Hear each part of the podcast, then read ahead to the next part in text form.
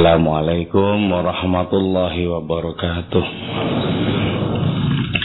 Bismillahirrahmanirrahim.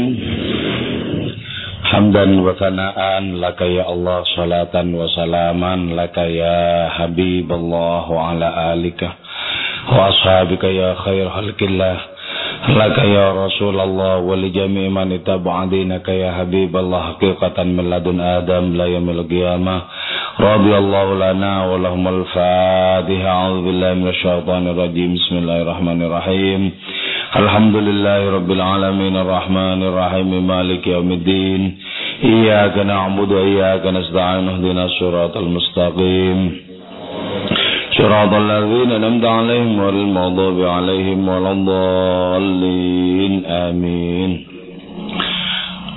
لتقربنا إلى الله تعالى لمحبتنا إلى رسول الله صلى الله عليه وسلم لسلامتنا في الدين والدنيا والآخرة لقضاء ديوننا لقضاء حاجاتنا من هوائج الدنيا والآخرة تيسير أرزاقنا حلالا طيبا مباركا كثيرا وسعل سديساتنا قلوبنا لشفاء أمراضنا ظاهرا باطنا لدفع البلايا والمهن والفتن والأمراض والأسقام ولمن أبينا لمصالحنا لبيتنا أولادنا ذرياتنا وجوارنا أصدقائنا جميع المسلمين والمسلمات والمؤمنين المؤمنات الأحياء منهم والأموات والعز الإسلام والمسلمين بجودك يا الله بشفاعة نبيك يا الله ببركة أوليائك الله بأسرار الفاتحة أعوذ بالله من الشيطان الرجيم بسم الله الرحمن الرحيم الحمد لله رب العالمين الرحمن الرحيم مالك يوم الدين إياك نعبد وإياك نستعين اهدنا الصراط المستقيم صراط الذين أنعمت عليهم غير المغضوب عليهم ولا الضالين آمين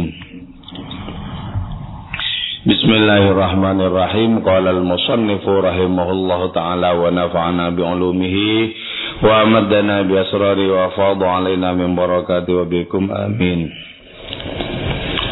Kita akan membahas puisi Ibnu Arabi dengan judul Al-Awanis Al-Muzahimat Roh-roh yang halus Yang ramah Dan berdesakan Maksudnya apa? Ketika orang memiliki spesifikasi kedekatan dengan Allah Ta'ala bahkan roh-roh pun bahkan para malaikat berdesakan untuk memberikan penghormatan.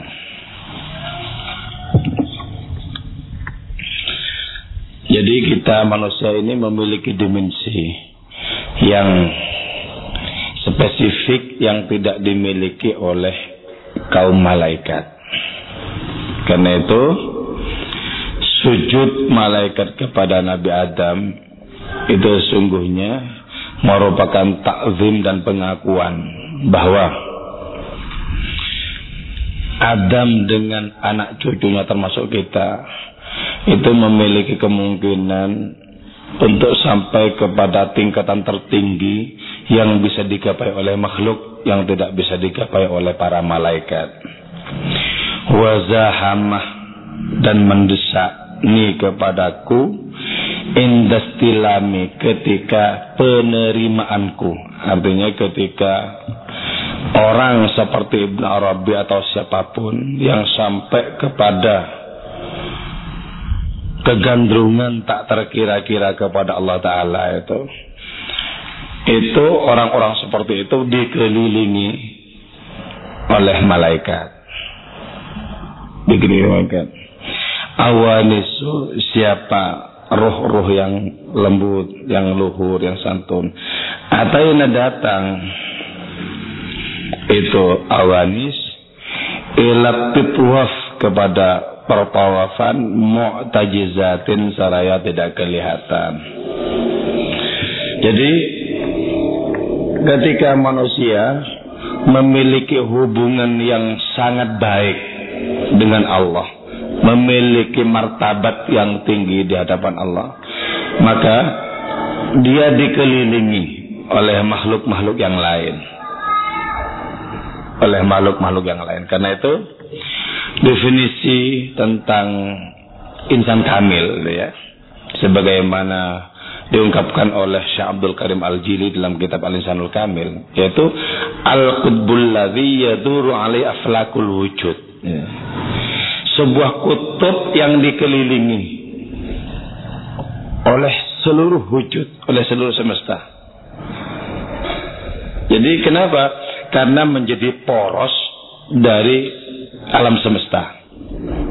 Nah, ini pertama-tama tentunya mengacu kepada Rasulullah Sallallahu Alaihi Wasallam, juga kepada siapa pun yang bisa kulaan rohani Rasulullah dengan sempurna.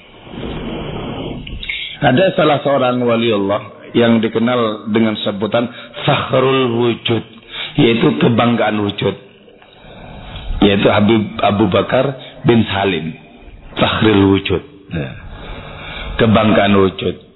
Nah, di sini apa yang diungkapkan oleh Ibn Arabi itu itu berkaitan dengan makom kesempurnaan rohani seseorang di hadapan Allah Subhanahu wa taala sehingga segala sesuatu dibikin tunduk, dibikin mengabdi oleh Allah taala kepada orang yang makom rohaninya sempurna ini. Karena itu sebutannya ataina ila tatwa titwaf.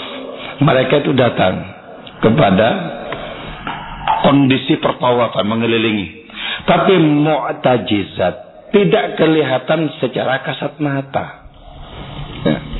Hanya sesekali ketika Allah Ta'ala menghendaki agar malaikat-malaikat yang takzim itu kelihatan. Maka diperlihatkan oleh Allah Ta'ala kepada para aulia, kepada kasih-kasihnya.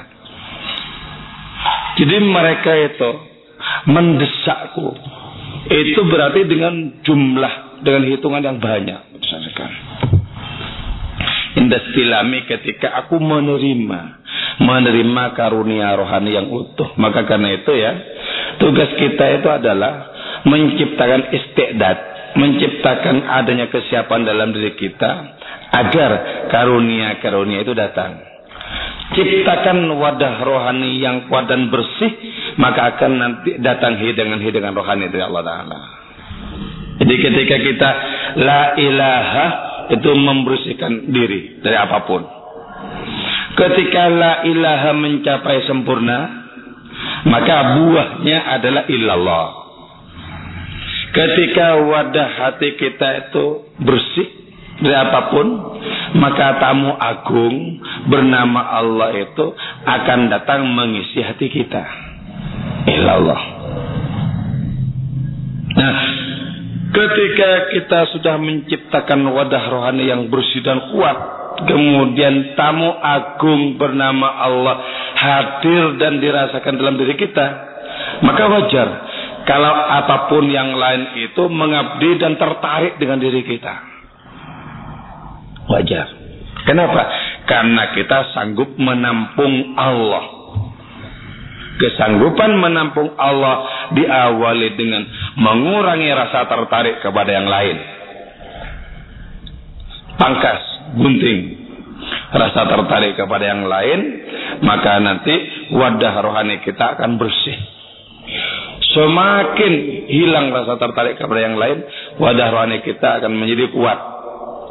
Nanti ketika sudah sepenuhnya hilang rasa tertarik kepada yang lain, Allah lah satu-satunya yang akan mengisi hidup kita. Di saat itulah tawaran apa pun yang lain menjadi tidak menggiurkan bagi diri kita. Tawaran apa pun yang lain. Hasarna meratap mereka. An anwar syumus meratap meratapi tentang cahaya matahari rohani. Jadi Ratapan satu mengandung kepiluan. Kenapa? Roh-roh itu tidak bisa menggapai makom para pecinta ilahi. Bisa. Juga kepiluan itu karena merupakan sisi mata uang dari kerinduan, maka ratapan itu pula adalah ratapan kerinduan. Jadi, ratapan pilu sekaligus kerinduan dari ruh-ruh yang suci kepada orang yang terkasih di hadapan Allah Subhanahu wa taala. Orang terkasih. Bagaimana kita mengukur mengukur hasrat-hasrat kita kepada yang lain hari ini? Masih banyakkah hasrat kita kepada yang lain di dalam diri ini? Selama masih banyak hasrat kepada yang lain, maka kita berarti belum memiliki wadah rohani yang bersih dan tangguh. Karena itu kurangi sedikit demi sedikit hasrat kepada yang lain, maka akan menjadi semakin kuat hasrat kita kepada Allah Subhanahu wa taala. Tapi juga mereka mengatakan wakul nali, mengatakan tuh mereka roh-roh itu para malaikat itu bagiku tawarra hati-hati engkau. Artinya hati-hati itu apa? Hati-hati, jangan tertarik kepada kami loh. Iya. Malaikat-malaikat roh-roh mengelilingi. Berbagai macam hiasan dunia akhirat ditampakkan. Hati-hati. Jangan tertarik kepada mereka. Kau diciptakan tidak untuk mereka. Kau diciptakan tidak untuk kami. Hati-hati. Ya. Jadi orang hatinya sudah mengalami sublimasi kepada Allah Ta'ala. Tak mungkin tertarik kepada yang lain. Sudah. Tapi walaupun begitu, hati-hati.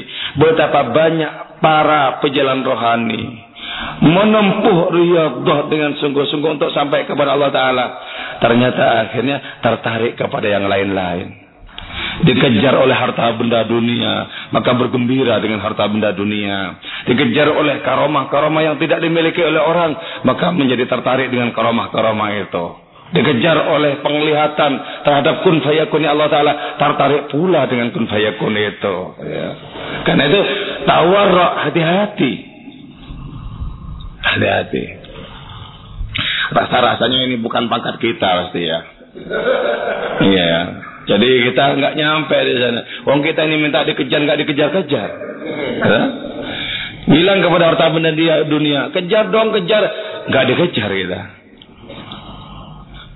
Kita pengen ketika mendengarkan cerita tentang karomah para aulia, kita ingin untuk bisa mengalami apa yang mereka alami, tidak dikejar pula kita. Jadi kita memperjelas peta rohani, syukur-syukur bisa memancing semangat spiritual kita untuk menelusurinya dan menelusinya. Jadi minimal apa? Kurangi hasrat kepada selain Allah, nanti akan tumbuh semakin kuat hasrat kita kepada Allah. Kurangi. Cari macam-macam. Nah, karunia-karunia ini, keindahan-keindahan ini, roh-roh ini mengatakan hati-hati, hati-hati. Kau diciptakan tidak untuk kami. Ya. Di dalam sejarah para sufi itu ya, Syabu Yazid Al-Bustami itu menolak karomah-karomah yang akan diberikan oleh Allah Ta'ala. Menolak. Kenapa? Biar semakin tegas rasa keterpukauannya kepada Allah Ta'ala semata-mata. Ditolak.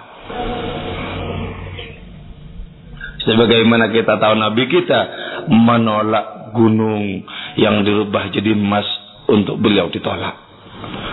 Agar tetap menjadi kukuh sikap keterpukauannya kepada Allah Ta'ala.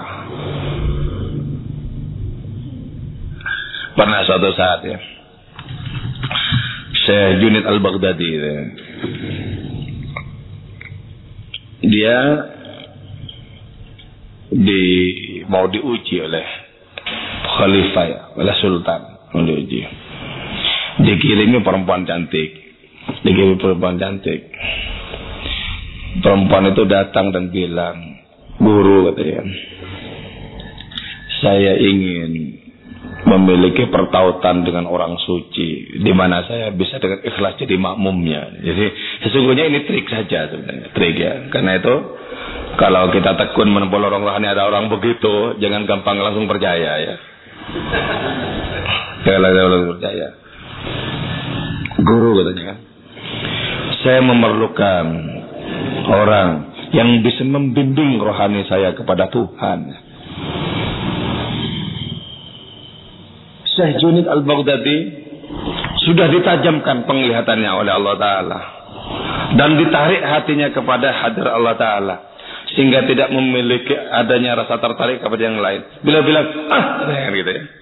Sebagai wujud penolakan, mati perempuan itu. Mati. Ah, itu mati. Oh, kalau kita sulit menolak itu ya. Apalagi cantik, ada sedikit Arab itu, putih. Wah. Kita kan, ya memang saya butuh pendamping juga. Sulit. Karena seorang sufi mengatakan, saya tidak gentar. Kalau disuruh menjaga rumah yang penuh dengan kekayaan. Saya tidak takut untuk mengambil sedikit pun di kekayaan itu. Tapi saya khawatir disuruh menjaga seorang budak perempuan biar hitam sekalipun. Saya khawatir. Terjerumus di situ. Jadi kalau disuruh menjaga harta benda, aman harta benda itu. Tapi kalau disuruh menjaga perempuan, dibonceng ke mana-mana nanti. Tidak aman soalnya. Tidak aman. Gimana aman? Boncengnya agak belagang, tapi laki-laki jadi. Wah, bahaya juga loh. Didesak ketimbang jatuh kalau belakang, mending biasa aja. Di depan taruh di depan laki-lakinya berbahaya, apalagi taruh di belakang berbahaya lagi.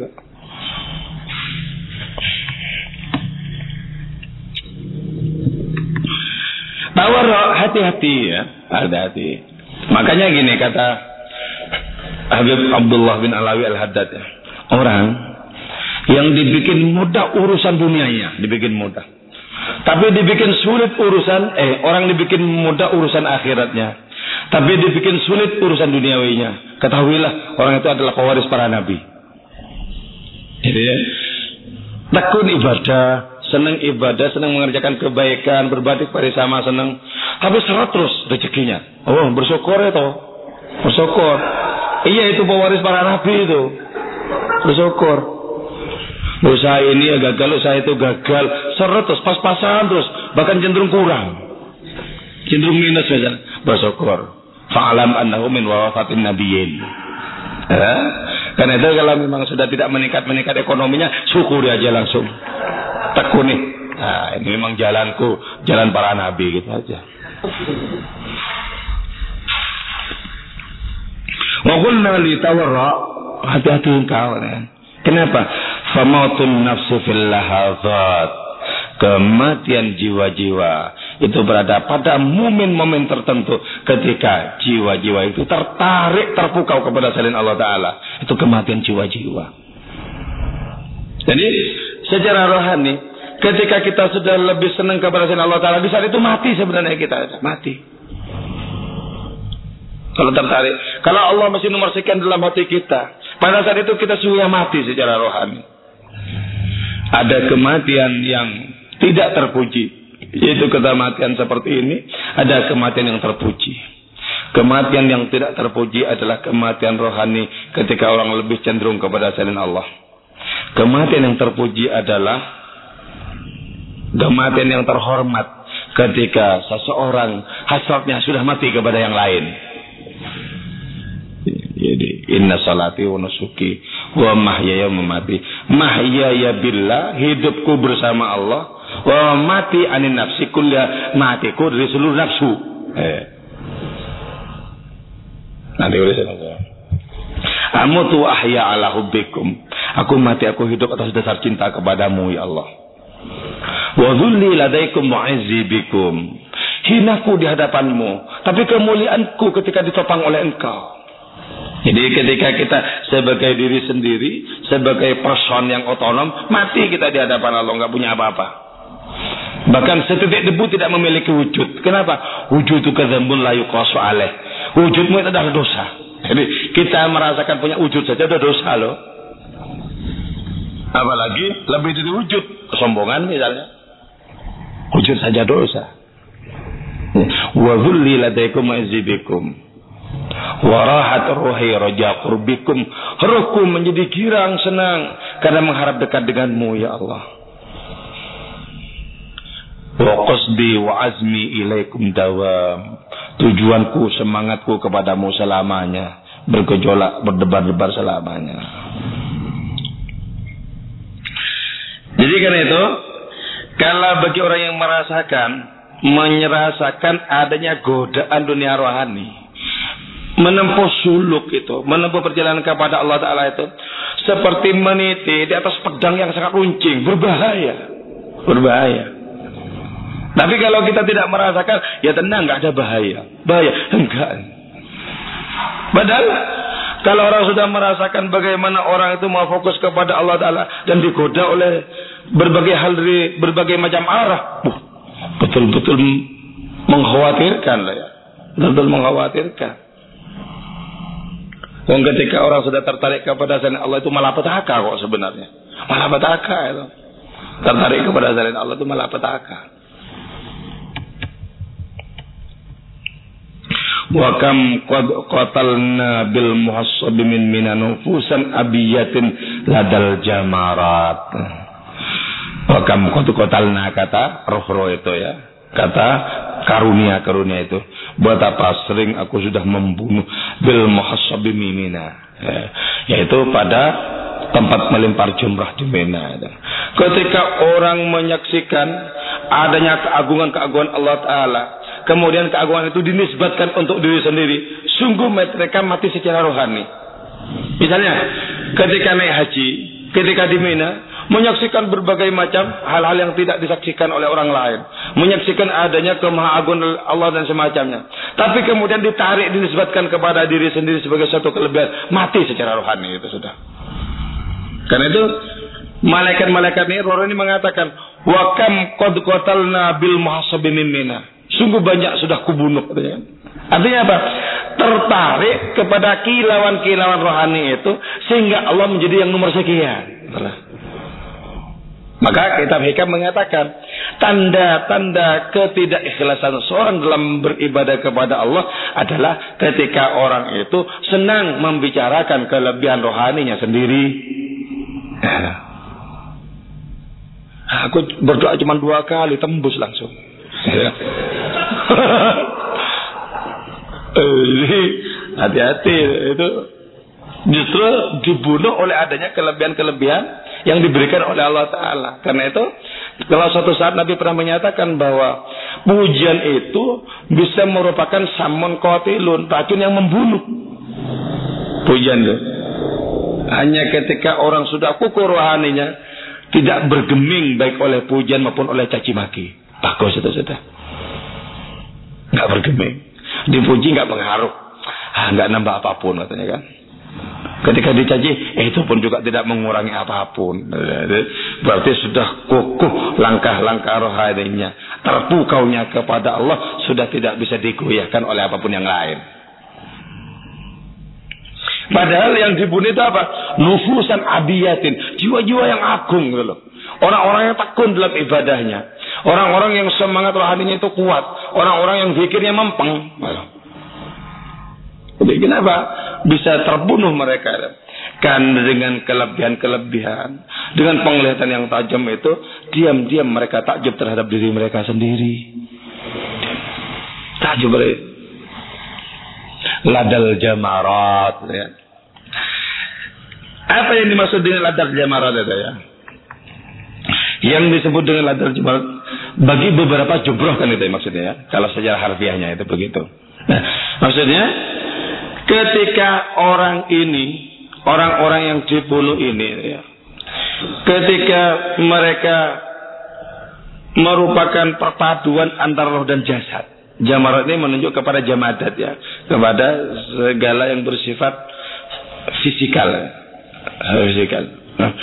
Ketika kerohanian mereka lebih dicondongkan kepada dimensi fisikal mereka, maka kemudian watak luntur itu, watak yang kotor itu kemudian muncul. Muncullah kemudian keakuan. Muncullah kemudian keakuan. Karena itu ketika melempar jumrah, serat, serat, serat, dengan perasaan melempar setan dan dengan kekuatan mereka sendiri itu, dengan kekuatan mereka sendiri, batal itu sebenarnya sudah. Sengkotan itu. Kenapa? Wa ma ramaita idh walakin Allah rama. Sesungguhnya yang melempar artinya apa? Dalam pemahaman yang lebih majmuk, lebih luas. Sesungguhnya ketika kita bisa menghindar dari keburukan, Allah yang menghindar sebenarnya. Sesungguhnya ketika kita bisa mengalahkan kebatilan, Allah yang mengalahkan kebatilan. Sesungguhnya bahkan ketika kita sholat, Allah sebenarnya yang sholat. Karena itu kalau kita kembangkan, wa ma ramaita ramaita walakin Allah rama, wa ma shallaita id shallaita walakin Allah shalla, wa ma sama sama walakin Allah sama. Wa ma sumta id sumta walakin Allah sama. Dan seterusnya. Wa ma zakarta id zakarta walakin Allah zakar. Seterusnya kan itu. Itu kalau kita analogikan kan begitu. Kalau Nabi saja ketika melempar musuh menjelang perang Hunain itu disebutkan bahwa Allah yang melempar. Ya. Maka seluruh kebaikan yang dilakukan oleh Nabi pastilah Allah yang mengerjakan juga. Sebagaimana juga kita mengerjakan kebaikan itu pastilah Allah yang mengerjakan kebaikan sesungguhnya. Ketika kita melempar jumrah melempar setan dalam perasaan kita dan kita merasakan memiliki kekuatan untuk membunuh setan-setan pada saat itulah kemudian dalam diri kita tumbuh benih-benih setan Kata Maulana Rumi ya, setan bilang anak khairun minhu, aku lebih baik dan kata-kata anak khairun itu juga bersemayam dalam dirimu. Aku lebih baik ya. Lebih baik. Misalnya ceramahku ini lebih baik ketimbang ceramahnya orang. Setidaknya lebih bermutu karena ini kitab Ibnu Arabi. Batal, batal. Batal. Mana ada kiai-kiai ngajarkan Ibnu Arabi enggak ada. Nah, batal. Batal jangan dikira enak. Batal ini yang saya sebutkan bahwa berjalan di lorong rohani seperti berjalan di atas pedang. Baik diungkapkan maupun tidak diungkapkan. Diam-diam saya bangga dengan membaca kitabnya Ibn Arabi. Diam-diam saya bangga dengan membaca kitabnya Maulana Rumi. Batal di saat itu juga. Batal. Nah biasanya kalau guru-guru rohani itu sudah batal dalam mengajarkan ilmunya, maka hanya sedikit orang yang dikendaki oleh Allah Ta'ala yang bisa mengambil manfaat. Biasanya tidak mengambil manfaat. Kenapa? Orang dari hulunya saja sudah keruh, apalagi ke belakang makin keruh loh. Kecuali kalau Allah mau menunjukkan kemahakuasaannya, bolehlah kita belajar kepada iblis, kita dapat petunjuk juga bisa. Kalau Allah Ta'ala menghendaki. Tapi rata-rata tidak jauh dari gurunya. Ada yang pentingnya.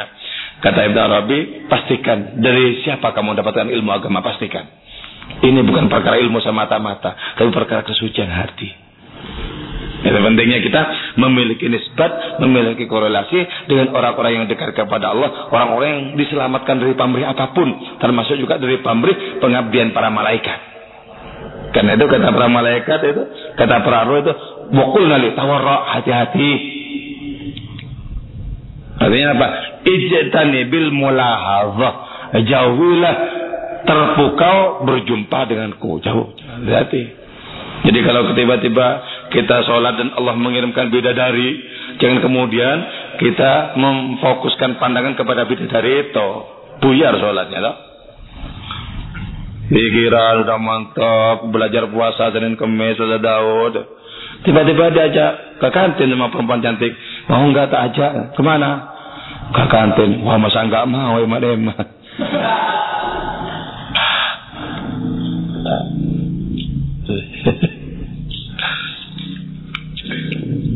Bahkan bukan ketalna bil hasab min mina. Ternyata apa?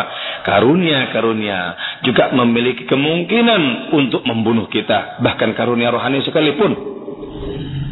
Karunia-karunia. Itu ya yang dijelaskan di dalam Al-Quran. Ketika Nabi Sulaiman mengurusi kuda-kudanya sehabis sholat zuhur. Kuda-kuda beliau itu kuda-kuda pilihannya. Lebih bagus ketimbang kuda Sumbawa. Kuda-kuda beda. Terpukau. Akhirnya apa? Sholat asar waktunya habis. Beliau kemudian sadar. Waduh gak sholat asar.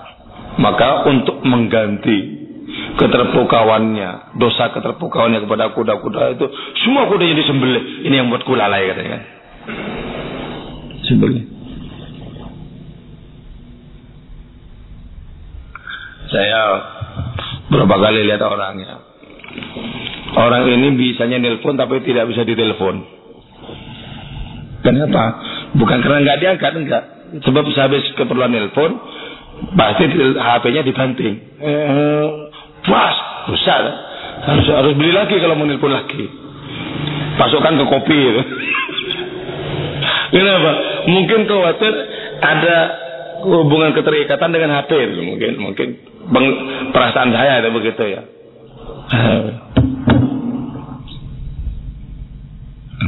Itu kalau dalam rangka ya. Kalau secara lahirnya kan mubazir ya, tabdir ya. Buang-buang kok. Secara lahiriah itu kan gitu. Tapi dalam rangka mempertahankan fokusnya bila rohani kepada Allah nggak masalah. Nggak masalah. Kalau dengan seperti itu setannya bisa terbakar, nggak masalah. Nah, tapi kan kita iman-iman ya. Wah, iman ini bisa tuh. Gitu loh. Sulit lah. Logika seperti orang itu tadi mau kita ikuti sulit. Sulit. Mau kita ikuti sulit.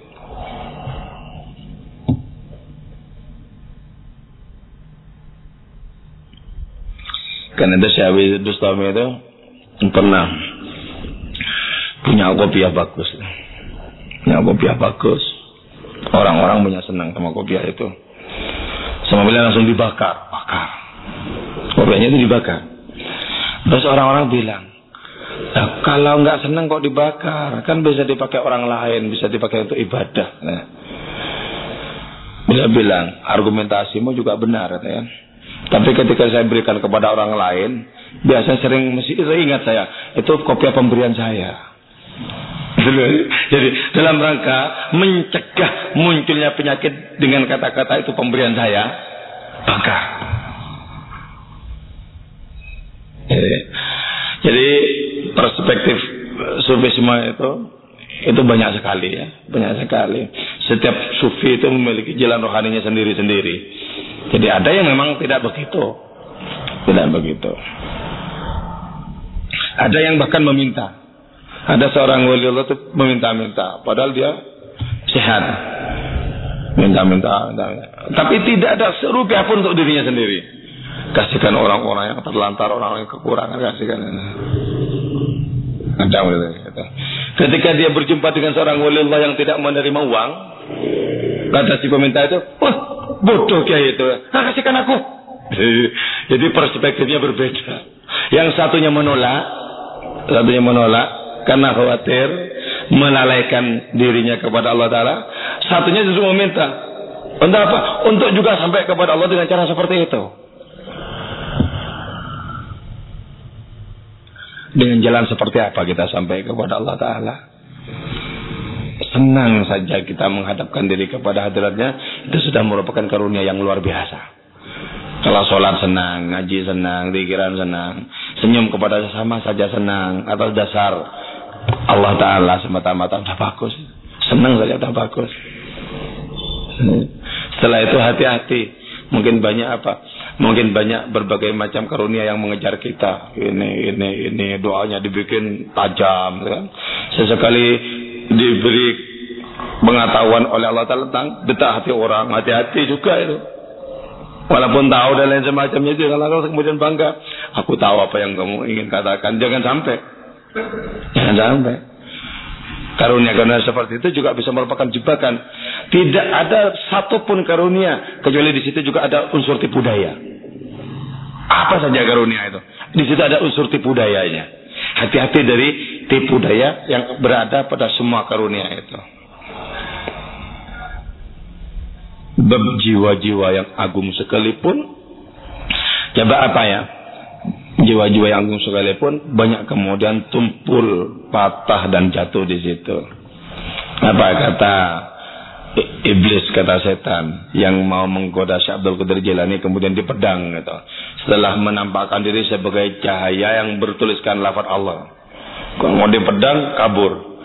Kata iblis yang menampakkan diri sebagai cahaya itu untung kau pakai akalmu. Sudah 70 orang saya sesatkan dengan cara seperti ini dan pasti itu tukang-tukang wirid yang yang andal itu sudah. Eh? Sebab nggak mungkin iblis menghabiskan energi untuk kita yang tewer-tewer untuk apa? Nggak ada gunanya. Iblis menggoda kita nggak ada gunanya. Kita tidak punya reputasi rohani apa pun. Jadi yang 70 orang disatukan dengan cara seperti itu, yang tiba-tiba muncul cahaya, teruskan Allah. Aku Tuhanmu, kuhalalkan kepadamu segala yang haram. Pasti itu korban-korban itu mas kakak pasti.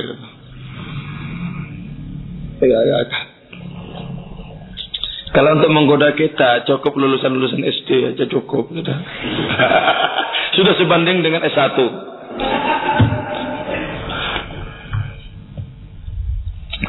Wa fi sarhatil wadi. Nah, sebelum dilanjutkan ada yang tanyakan?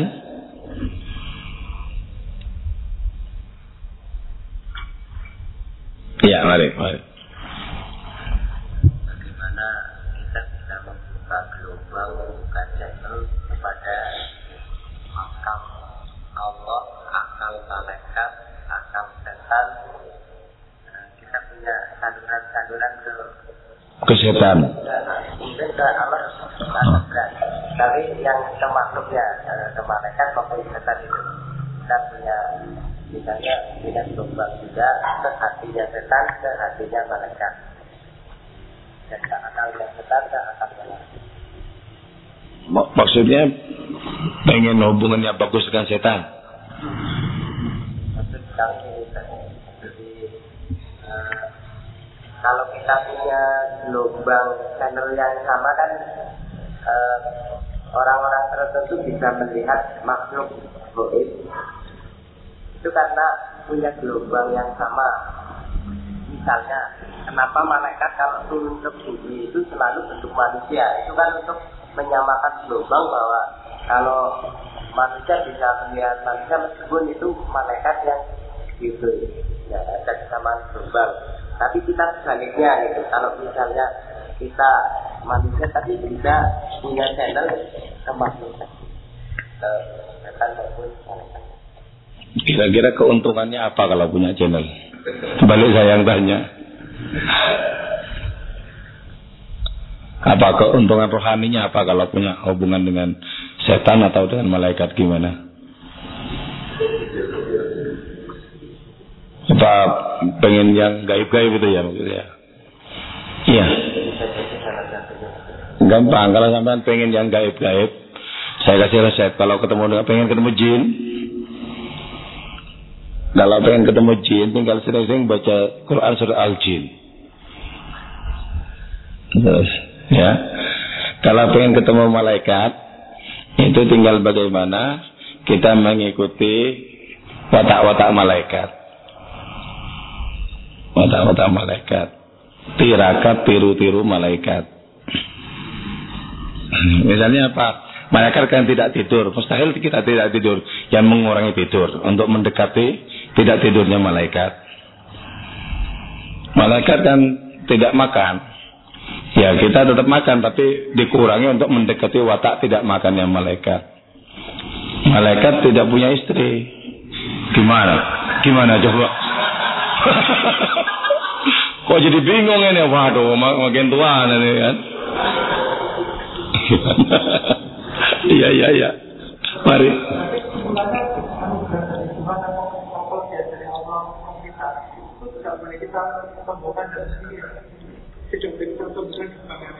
Iya. Iya.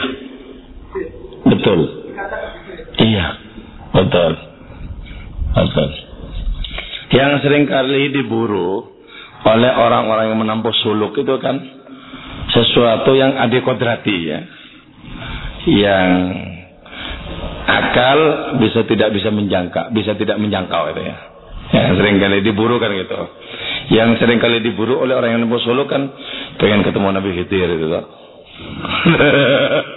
pengen lihat ketemu malaikat gitu saja nah itu juga sebenarnya merupakan bagian yang menghambat perjalanan rohani seseorang. Menghambat itu. Menghambat. Dan karena banyak orang menginginkan hal yang seperti itu, justru godaan datangnya dengan lewat jalan yang seperti itu. Banyak jin-jin yang ngaku sebagai Nabi Khidir itu. Dan orang yang dijumpai merasakan dan yakin itu Nabi Khidir. Itu jin. Ya Bali Aminuddin itu kan merasa diajari oleh Jibril. Betul Jibril, tapi Jibril namanya jin itu. Bukan nama malaikat Jibril. Wah emang nggak punya kawian malaikat Jibril. Datang-datang ke Liaminuddin. Lihat dengan kekuatan badan kita wajahnya. Kelihatan wajah jin. Eh. Jadi kita menyelesaikan menyelesaikan kesenangan dalam diri kita terlebih dahulu kita selesaikan. Sebenarnya kita mempeng zikir ini yang kita senang itu apa sih sebenarnya? Jangan-jangan ada sesuatu yang kita inginkan lewat zikir itu dan itu bukan Allah. Misalnya. Bukan Allah.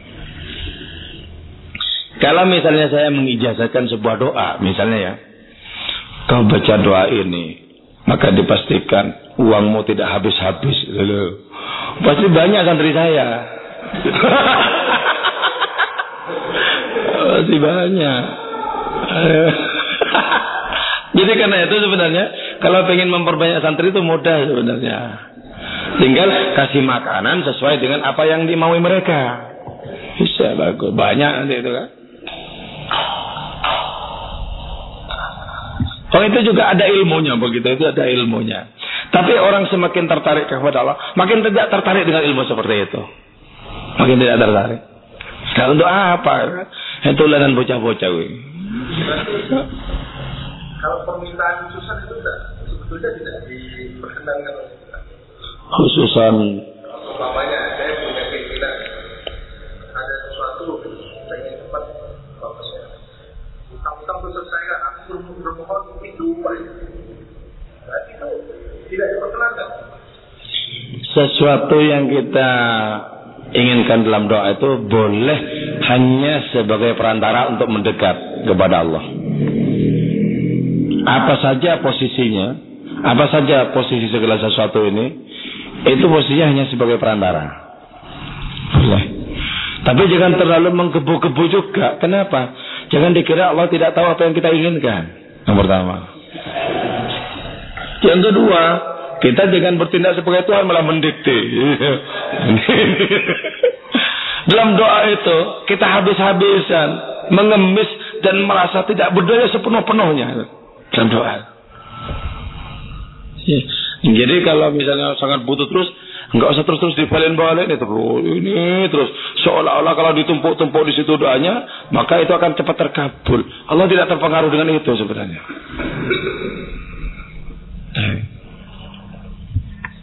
Gitu ya. Jadi karena itu apa yang sungguhnya paling kita hasrati dalam hidup ini. Ya. Kalau orang merasa terhina hanya karena nasib sosialnya kurang bagus, nasib ekonomi kurang bagus, sungguh masih sangat jauh dari jalan kerohanian yang mulus. Ini kita merasa wah ini nggak punya apa-apa berarti habis lah nggak nggak punya nggak punya harga apa pun ya, itu ya. perasaannya saja begitu kalau saya diomongkan habis ya, menjauh itu pak Sebab apa? Mengukur kedekatan dengan Allah itu dengan sesuatu yang bersifat lahiriah semata-mata.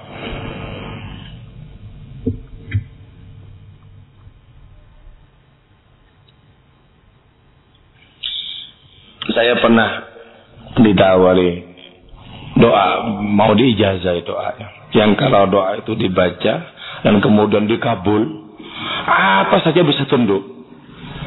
Misalnya jin setan orang bisa tunduk cuma saya nggak tertarik mengamalkan doa begitu. Nggak tertarik. Kalau misalnya materi saya besar kan gitu tinggal oh, rajanya jin tuh tak panggil sini ini. Ambil tuh permata-permata di lautan. Ambil. Eh, untung nggak punya hasrat begitu. Nggak punya hasrat. Ya, tumpulkan hasrat kepada yang lain, kuatkan hasrat kita kepada Allah Ta'ala. Walaupun belum sepenuhnya kita tertarik.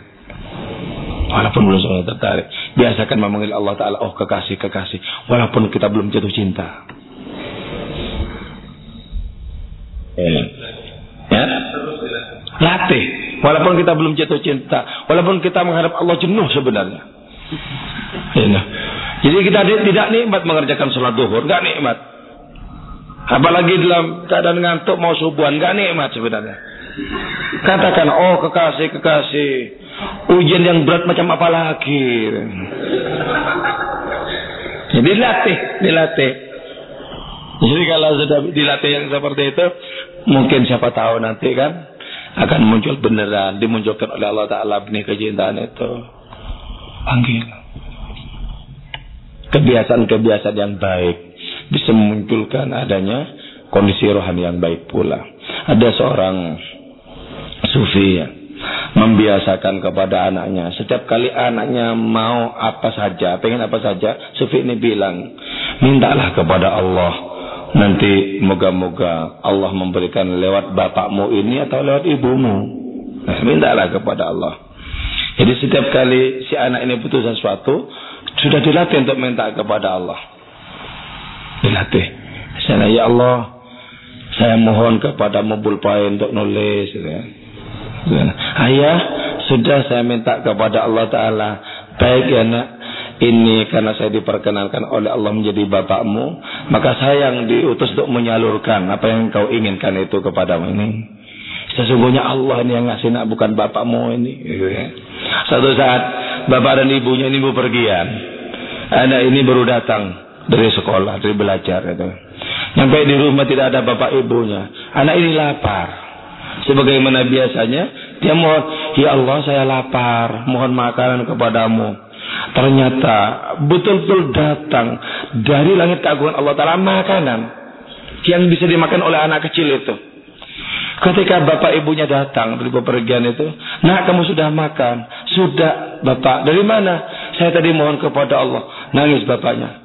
Rohanimu lebih tinggi. Nak ketimbang aku bapakmu yang ngajarkan kepada Allah. Lebih tinggi. Gitu. Kenapa si anak ini polos batinnya dengan sepenuh keyakinan bahwa segala karunia itu pemberian Allah.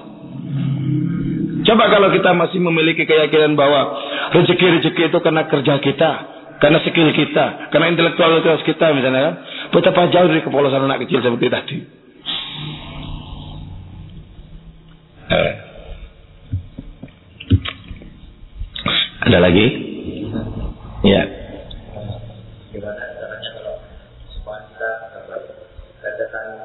Pujian atau karunia itu supaya nggak terhitung itu bagaimana? Wes wes wes gitu aja. Kalau teori kita hikam begini, ketika kita dipuji, sementara kita tidak berhak sebenarnya untuk menyedang pujian itu, kembalikan kepada Allah yang maha terpuji. Ya Allah, orang ini sesungguhnya memujimu. Cuman mungkin melihat sinarmu mantul lewat diriku, dia bilang bahwa aku yang terpuji. Sungguhnya bukan ya Allah. Aku kembalikan kepada engkau asal usul dari segala puji itu. Eh, ya. Jangan GR. Loh, ya memang pantas aku. Jangan jangan GR. Jangan GR. Oh dipuji. Kalau kita bangga dengan pujian itu, sesungguhnya diam-diam kita membohongi diri kita sendiri. Oh, kita tidak pantas kok. Wong segala kebaikan itu Allah yang punya. Kenapa kita senang dengan dipuji? Jadi jangan jangan kemudian merasa senang. Termasuk di Facebook di komen, sip mantap ya kan langsung senang. senang. Biasa aja. Biasa aja. Katakan kepada pujiannya, kau boleh ada, kau juga boleh tidak ada. Adamu tidak mempengaruhiku, tidak adamu juga tidak mengusikku. Eh, bagus.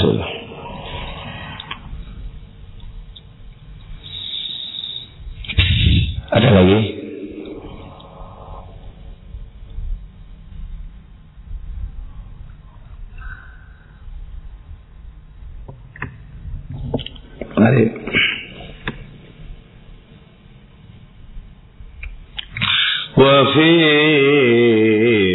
سرحة الوادي dan pada pohon yang menjulang di lembah wa alami rama dan bendera-bendera hmm. yang tegak di pedalaman wa jam'in dan kebersamaan wa'in dan nafri dan di sisi jamaah min arafatin dari Arafah, Arafah.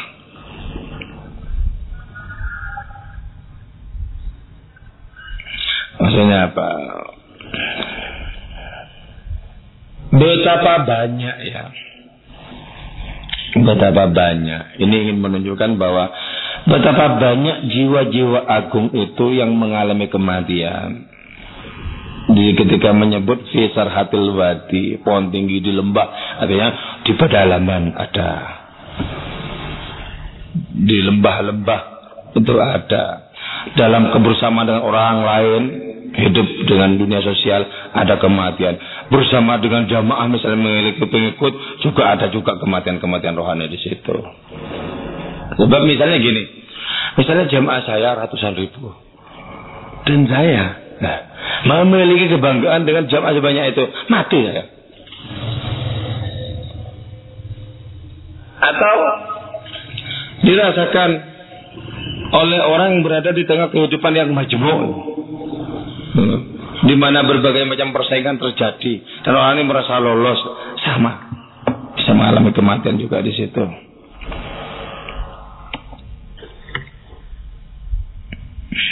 Padahal ya Betapa banyak dari jiwa-jiwa yang agung itu yang sudah mengklaim bahwa mereka tidak memiliki kebergantungan terhadap apa pun kecuali dengan Allah. Itu sudah begitu. Mereka tidak jatuh cinta kecuali kepada cahaya Allah. Banyak baru sudah mengalami begitu. Cuman karena belum berhadapan dengan berbagai macam ujian yang berupa karunia-karunia rohani itu, mereka belum terbukti. Setelah berhadapan dengan ujian-ujian berupa karunia rohani itu, banyak kemudian di dalam mereka itu yang mandek, yang stagnan, yang tidak mengalami kemajuan rohani. Padahal ya jalan kepada Allah Ta'ala itu tidak pernah ada finish loh. Tidak pernah ada finish. Karena Allah sendiri tidak ada batasnya. Jadi kepada Allah Ta'ala itu kita tidak boleh camping loh. Artinya merasa cukup, wis di sini aja cukup ini. Kita harus climbing. Nah, ya, maunya mendaki, menaiki pohon ketak terhinggaan. Gitu. Jadi sekali kita merasa puas, maka di saat itu kita membunuh kreativitas dalam hal apa saja. Misalnya sudah cukup segini aja bacanya, sudah cukup ini saja ilmunya, maka kemudian berarti bahwa itu membunuh kreativitas, tidak mungkin berkembang lagi sebab sudah menganggap cukup. Bayangkan dengan Nabi yang sampai di akhir hayatnya menyatakan Rabbi zidni ilma. Ya Allah tambahkanlah ilmu. Padahal Nabi itu adalah kota ilmu. Padahal ilmu Nabi sudah melebihi ilmu yang ada di lauh mahfud. Masih Rabbi zidni ilma. Itu berarti apa? Nabi itu yang merupakan panutan kita tidak pernah merasa finish, tidak pernah merasa puas. Rabbi zidni ilma. Rabbi zidni ilma. Tambah Jadi kalau orang sudah mencicipi anggur ilahi, Orang ini akan minta tambah lagi.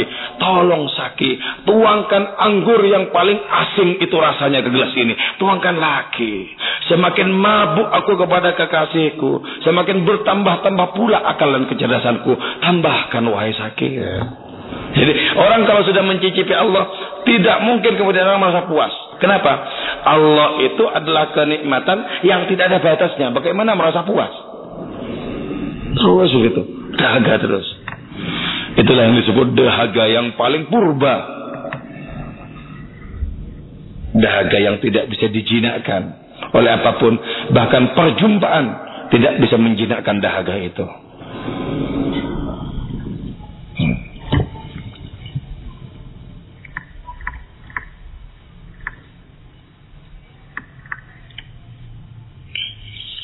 Min arafat di sini ya. Artinya apa?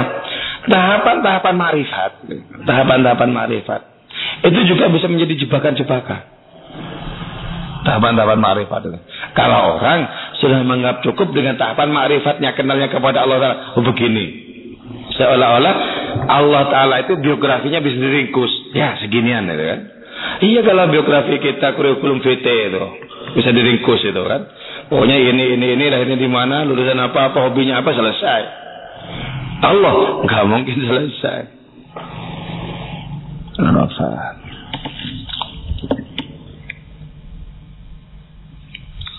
Makanya gini, kalau dalam suluk perakul itu ya, Orang menjadi imam sholat dan merasa jadi imam batal loh. Walaupun secara fikih kan imaman lillahi ta'ala Allah Akbar iya. Tapi merasa imam misalnya aku diikuti ratusan orang. Ya. Bismillahirrahmanirrahim dengan merasakan bahwa mereka menyimak saya. Ya. Maka dibikin semakin enak suaranya. Alhamdulillahi Rabbil Alamin. Wah, makin bikin mantap ya. Dan ketika sudah merasakan diikuti banyak orang, di saat itulah batal secara rohani. Sehingga nanti sholatnya beda. Kalau sendiri itu hambar. Allahu Akbar. Dan nggak dibikin enak. Kalau sendiri. Jadi malah cenderung cenderung cepat. Kenapa? Sudah hafal. Sendiri. Kalau beda saja, itu tidak ada masalah. Salah sendiri jadi imam kok beda? Masalah. Nikmatnya beda. Salah. Pikiran banyak orang bisa menangis. Pikiran sendiri kok sulit untuk menangis. Beda.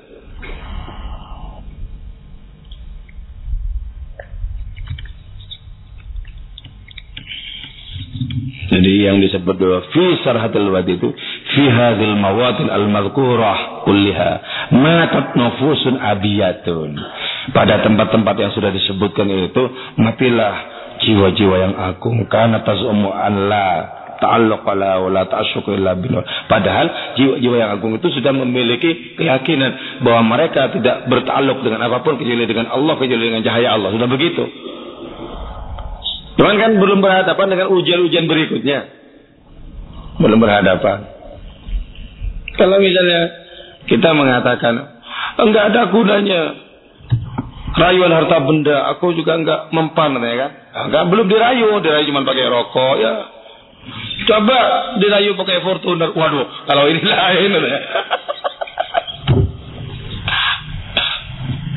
Ini karena belum berhadapan. Karena itu kita mesti mepet Gusti Allah wa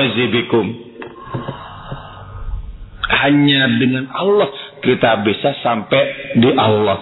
Hanya dengan Allah kita hanya kita bisa mendaki Allah.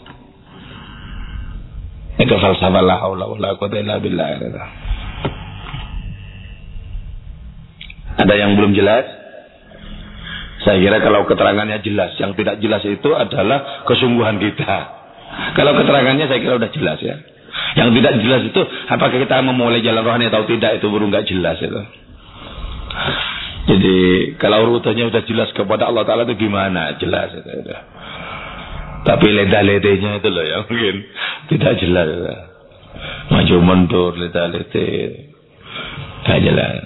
Kadang semangat, kadang mungkrot hilang semangat lagi melempem lagi itu ngatasi begitu aja nggak mudah ternyata untuk memiliki nafas yang panjang dalam kesemangatan rohani itu nggak mudah ternyata nggak mudah kita itu kambuh-kambuhan ya. jadi masih memiliki penyakit yang kumat-kumatan kadang sok sereguk Ternyata ketika sergap diteliti, ternyata lagi ngincar perempuan. ternyata sergap itu ada maunya. Habis sholat biasanya kabur. Ini pikiran kok lama. Perlu dicurigai. Kok habis sholat pikirannya lama? Apa maunya itu? Kalau macet skripsinya. Tinggalkan saja. Atau juga ijazah nggak ada nggak bisa dimakan tinggalkan saja oh yang penting kita sudah bergabung dengan orang-orang kuliahan sudah selesai oh. tidak harus rampung jadi memang ada yang pangkatnya tidak selesai jadi disesuaikan dengan pangkatnya masing-masing ya cukup ngerti apa itu fakultas jurusan selesai kok itu.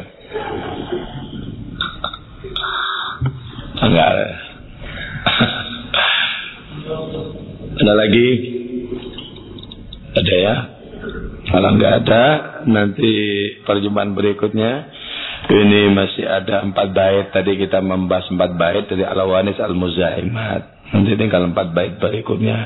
Insya Allah moga-moga manfaat dan barokah amin. Ya mujib sailin wal afa minkum. Wassalamualaikum warahmatullahi wabarakatuh.